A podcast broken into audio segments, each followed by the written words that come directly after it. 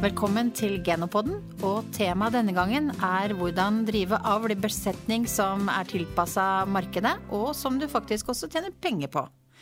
Eh, vi vet jo at industrien har behov for både mer mjølk og mer kjøtt om sommeren. Eh, og tilpassinga til priskurven kan jo bety mye. Hvis en også reduserer kvigeoppdretten med bruk av kjønnsseparert sæd, men høyner kvaliteten og øker kjøttinntektene med bruksdyrkrysninger, så øker inntjeningspotensialet enda mer. Og her i studio så er det meg, Oda Christensen, og jeg har jo selvfølgelig med meg Rasmus Langered. Og vi er jo så heldige at ikke bare har vi med oss to fantastiske gjester eh, i dag, Rasmus, men vi befinner oss i Stavanger, faktisk. Ja. ja da. Og vi har med oss eh, Hilde Tveiten, som er eh, avlsrådgiver i Tine. Hei, hei. Hei. Eh, og den andre gjesten det er Lars Byberg Timplen, som også er avlsrådgiver i Tine. Hei, ja. Men driver mjølkeproduksjon sammen med kona Inga i Timplen ku. Ja. Og der har vi vært ute på beite og sett på mange fine dyr Åh, før i det var dag. kjempefint. Ja. Men for å begynne med dette, det, mye, det er jo mye prat om både, både kjønnsseparert sæd og, og bruksdyrkryssing. Men, men Hilde, når dere er ute og, og driver avlsplanlegging, eh, hva merker dere? Merker dere mye til dette når dere er ute? Det er veldig stor forskjell i besetninger. Eh, Vi har produsenter som er langt framme, bruker både kjønnsseparert og har, har litt forskjellige krysningsdyr i fjøsene etter hvert. Og så er vi ute hos en del som fremdeles sitter med litt kvigeangst. Det er fulle kvigefjøs, og det er ja, en hel del kyr som kanskje slaktes ut bare fordi det er noen andre dyr som skal inn. Så eh, vi ser litt forskjellig, og vi ser nok at eh, det fremdeles er et stort potensial å ta ut hos mange. Er det samme inntrykket du har, Lars? på? ja da, det er store kulturforskjeller. og det er, Vi er jo alle i større eller grad litt eh, konservative i, i drifta vår. Og det kan være krevende gjerne å lære seg opp i nye rutiner. Men eh, det jeg anbefaler som en start, det er å begynne å legge kjøttfe i de, alltid de svakeste dyra for å unngå å formeire de dårligste dyra. Det er det første tiltaket vi begynner med. Ja, for det er det du mener det som er det på kort sikt, er det som, det som gir, Det gir mest uttelling som en start? Ja, det mener jeg er starten, og det mener jeg alle kan gjøre hvis de har en normalt grei fruktbarhet i besetningen. Eh, Det er enkelte som har litt utfordringer med fruktbarhet, og da trenger vi det påsettet vi kan få til. Men i de fleste besetninger så er det overskudd eller mer enn nok kvike, og da må vi begynne med å ta vekk de dårligste, avlsmessig dårligste dyra, der vi ikke lenger på dem i melkeproduksjonen, men å legge kjøttfe på dem. Mm. Og Da vil de gjerne fort være noen av de dyra du har best økonomi på, de som er avlsmessig dårligste dyra. Så det tykker jeg er, det første, er starten. Så de sier de tykker dette er tungt å komme i gang med. Men Hilde, du sa kvigangst. Jeg syns jo det var Det er første gang jeg har hørt noen si kvigangst. Men jeg- jeg forstår veldig godt hva du mener, men hva, hva tenker du at ligger i den, i den eh, angsten eller frykten eller uh, usikkerheten, kanskje? Ja, det er nok et lite luksusproblem vi har. Tradisjonelt sett så har vi jo rundt 50% med fødte kvigekalver hvert år. Eh, og vi ser jo i veldig mange besetninger som driver på tradisjonelt vis, at eh, da blir det en naturlig følge at du utrangerer halvparten av dyra dine hvert år. Og vi snakker så mye om at vi, vi har en holdbar ku, vi ønsker en holdbar ku. Men i praksis hos mange i dag så får de ikke muligheten til å vise hvor holdbare de faktisk er. Så eh, jeg ønsker meg jo at vi skal kunne utrangere dyr eh, der det er behov for det, men vi skal òg ha muligheten for å beholde de lenger. Og i disse tider hvor vi snakker både økt fokus på kostnader, det å kunne eh, ha flere laktasjoner å fordele oppdrettskostnadene på, men også når vi snakker klima. Det å eh, fø opp en hel masse kviger som vi egentlig ikke har bruk for. Ja, det er noe Vår jobb som avlsrådgiver er jo på en måte å være med og skreddersy. sant? Hva slags ku ønsker du deg? Hva er det som er, er den optimale kuen i ditt fjøs? Og nå vil vi gjerne strekke den litt lenger og være med å skreddersy også. Hvilke dyr er det du skal fylle fjøsen med? sant? Ikke bare på melkekudelen, men også hvilke rase og kjønn ønsker du på dette her. sant? Så skal vi tenke eh, i retning markedstilpasning, som du sa, sant? så må vi ha litt i bakhodet at vi har en såpass stor prisdifferensiering på melk nå ja, for Hvor stor er den, eh, bare sånn, det vet du sikkert de fleste, men bare så vi har det? Ja, nå er den eh, vel på 143 øre mellom topp og bunn i, i sone landet, mm. og 191 øre, altså nesten to kroner literen i sone fjord og fjell. Og vi ser jo målprisen på, på kjøtt også, sant? med stor etterspørsel i markedet i, i mai og juni. Så det er klart at her får vi en mulighet for å gjøre noen tilpasninger som skal tjene både industrien og, og bonden. Ja, for Det er liksom det som er litt vinn-vinn her. at Det går jo litt på bekostning av melkeprisen for alle at industrien ikke får jevnere til, tilgang på mjølk. Det er akkurat det det gjør. Og for Tine som, som markedsregulator, det å være leveringsdyktig på melk hele året, det er kjempeviktig for oss alle.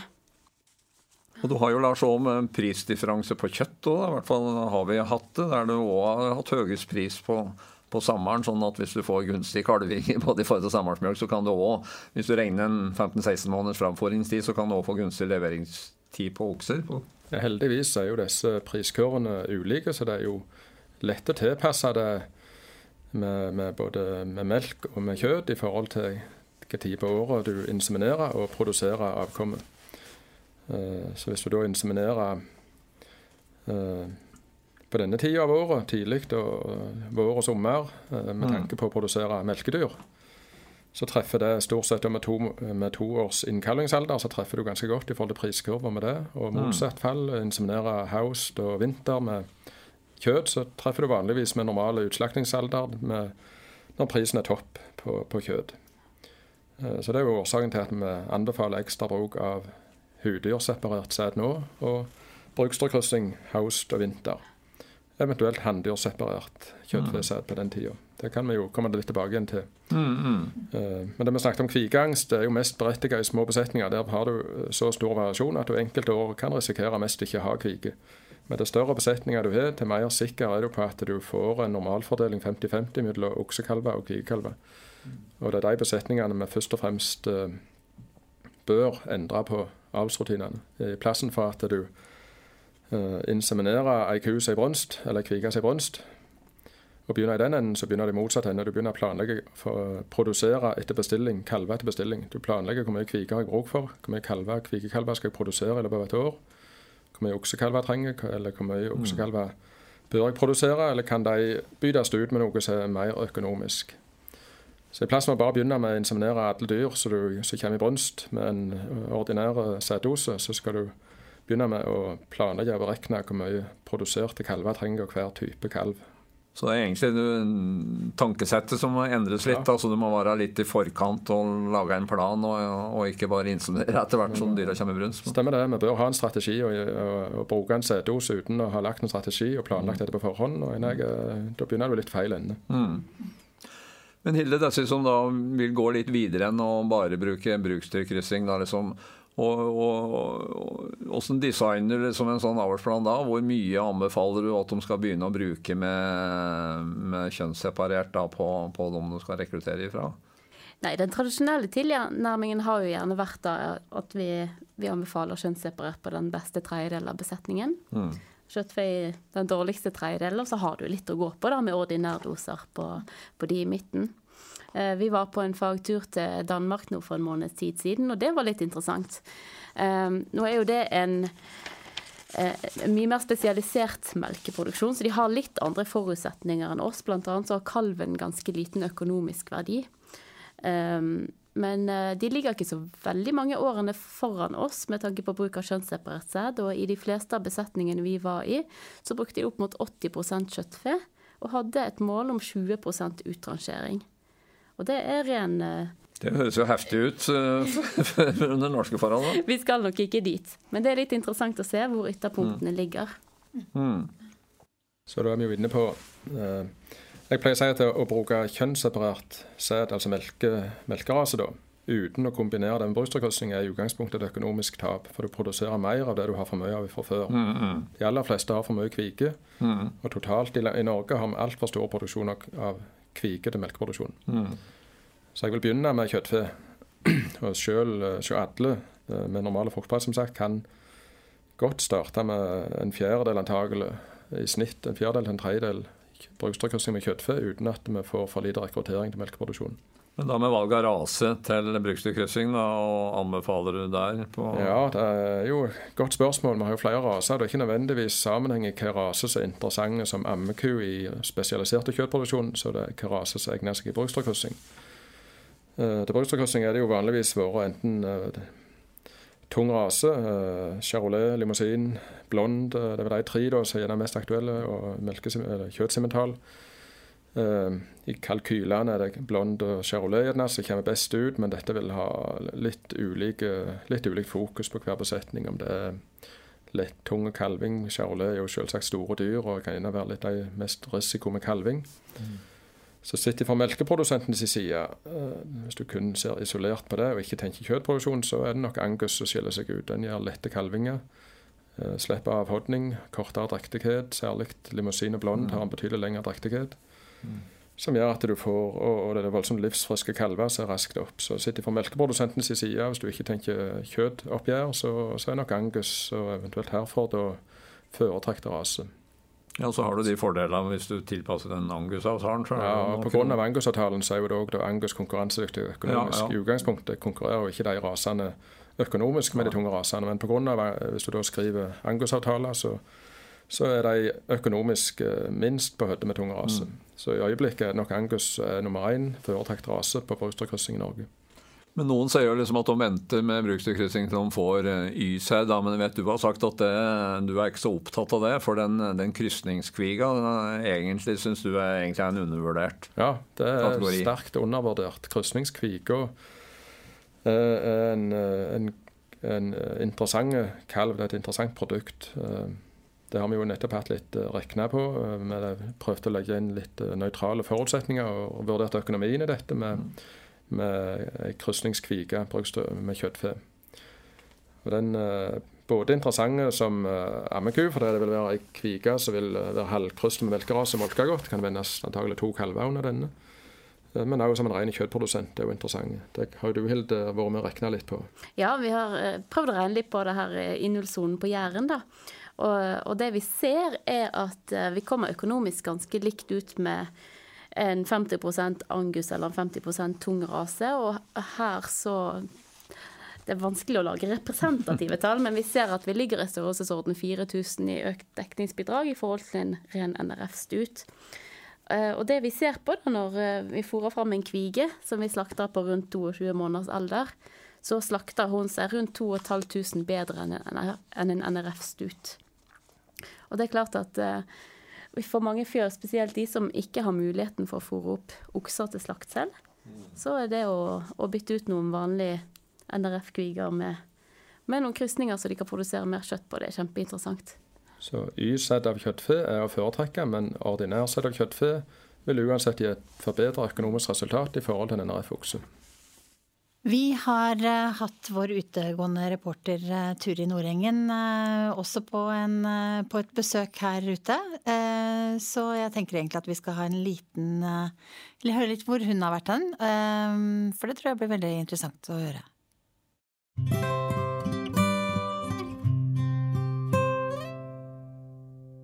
Ja, da er det utegående reporter Turi Nordengen her. Og jeg står på gården til Petter Sigveland i Vigrest.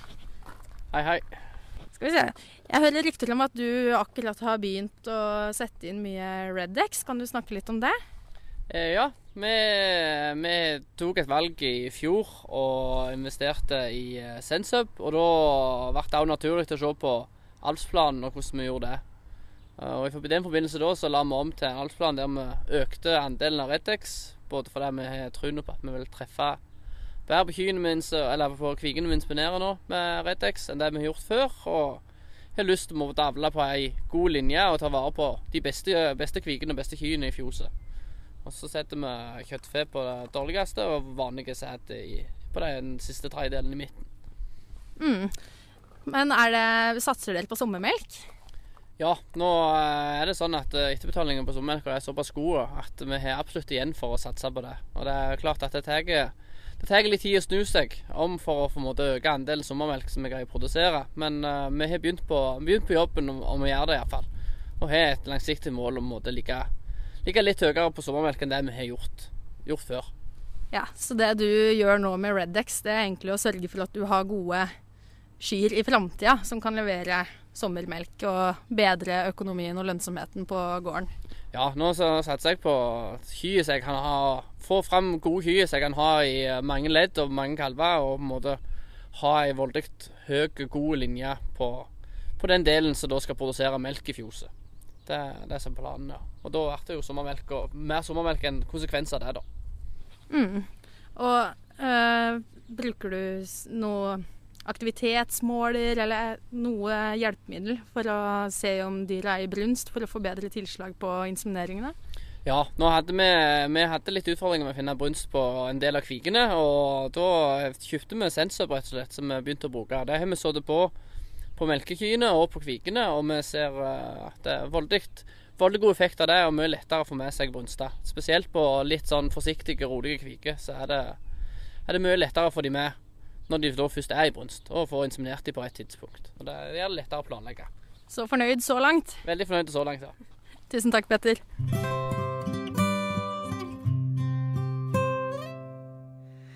Det var uh, veldig fint å høre fra Turi Nordengen. Um, og uh, vi har jo en kampanje gående på Redex uh, nå hele, faktisk hele sommeren ut 11.9 um, på en rabatt på 70 kroner.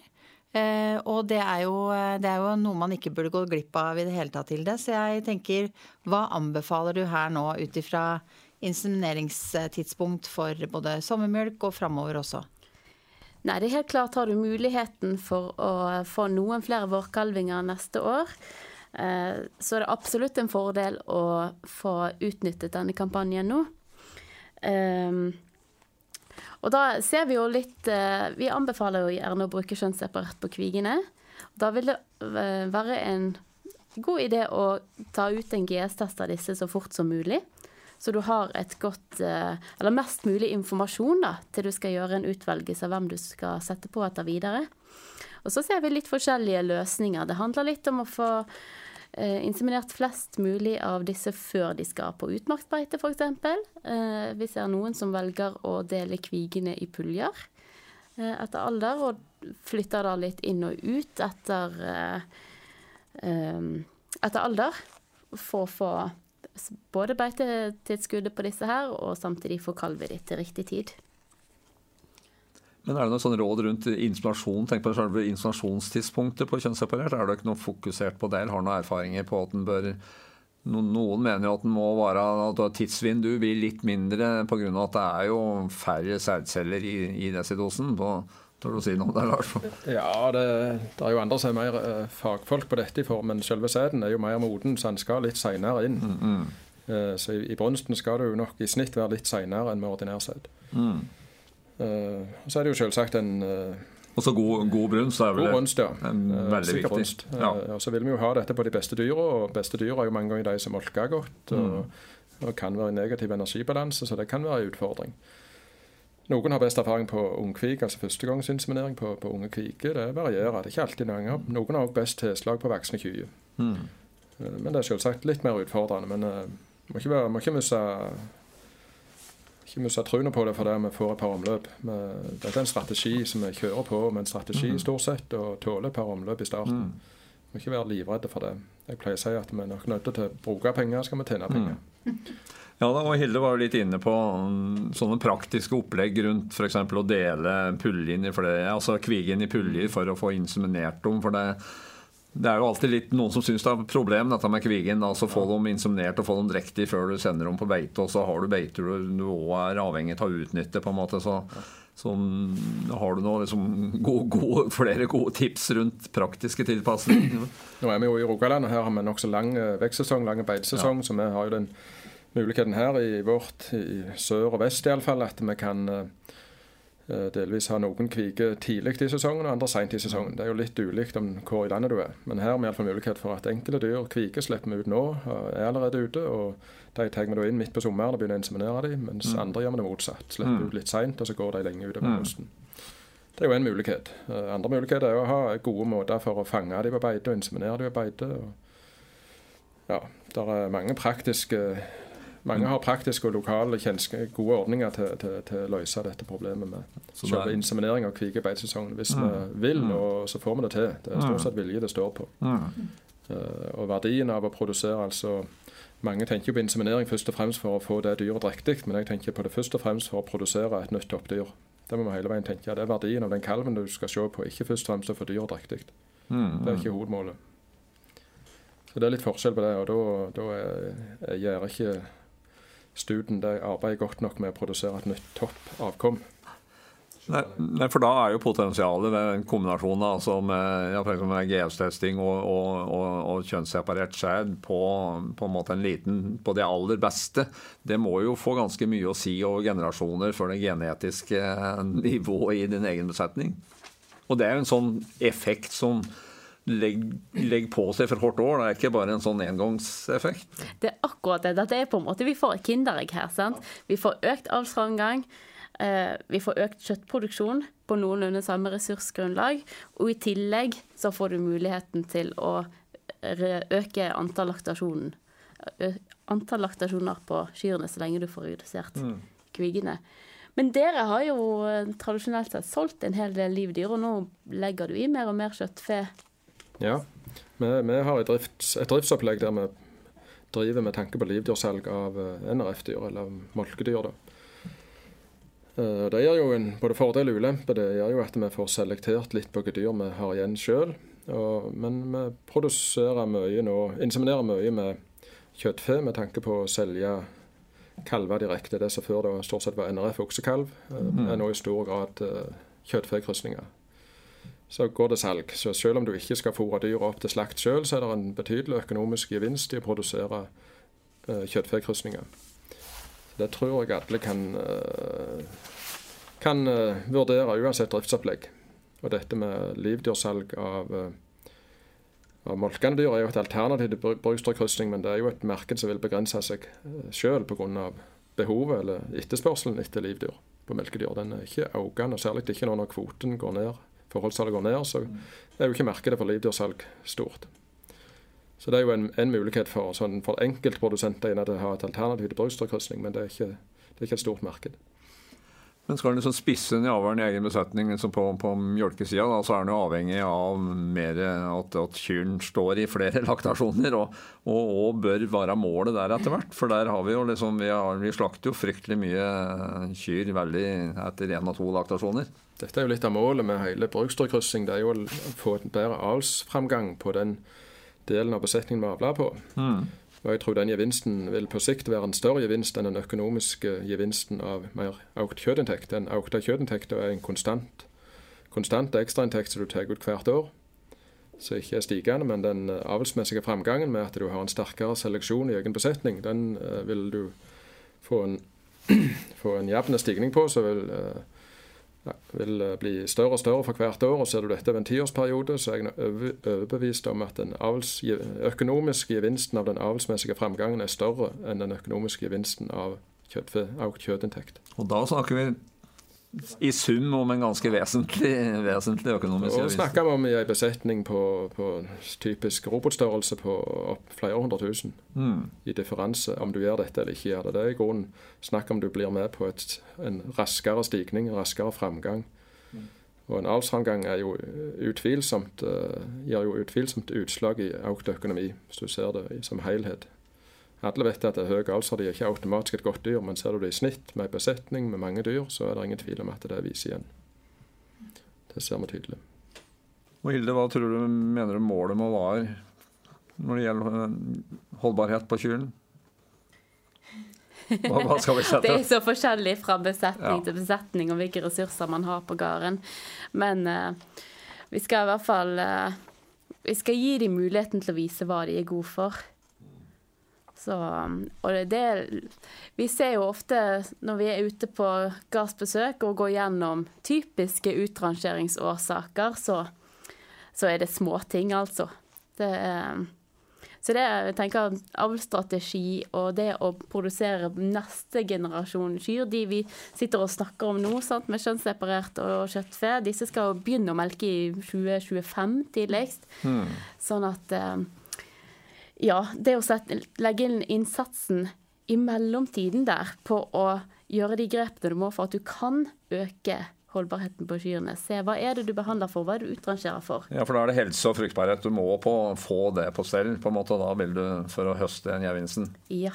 Så I dag har vi ikke to i snitt i landet. Vi har under to, full, under to fullført laktasjoner. Vi, vi, burde komme oss opp på fire til fem. Altså det er potensielt mulig.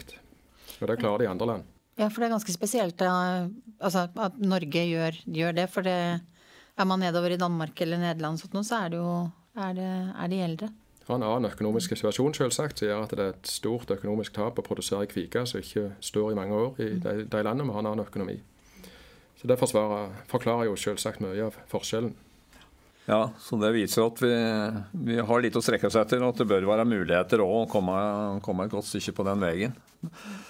Men uh, Oda, tida går fort, som det alltid gjør i ja. podda. Men, men, vi skal i tradisjonen tro eh, da våre gjester få komme med et, et supergodt råd til slutt. Da. Og denne gangen så er det naturlig å spørre om deres beste råd når det gjelder avl i besetningen. Og Hilde først. Tørr å prøve. Hiv. Du trenger ikke gå all in med en gang, men begynn i en ende. Prøv deg litt fram, og bruk tiden mens du venter på å gå gjennom management. Kan du gi kalven en litt bedre start? Kan du produsere litt bedre fôr, så at når du først får et økt potensial i neste generasjon med dyr, så har du muligheten til å ta det ut. Lars? Jeg siterer en kollega av meg som pleier å snakke om eh, det lokale lønnsoppgjøret. Vi har mye fokus på jordbruksoppgjør, og vi har mye fokus på økte kostnader, dårlig økonomi for tida. Uh, like å provosere litt. Du, du, kan ikke klage på økonomien hvis du ikke er villig til å endre på noen ting i drifta selv. sjøl. Du er nødt til å kunne se på at du skal legge om driftsopplegg og endre på å komme ut av komfortsonen, gjøre noe annet enn det du alltid har gjort. hvis Du skal kunne se at du, du er nødt til å endre på noe hvis du skal kunne forbedre økonomien.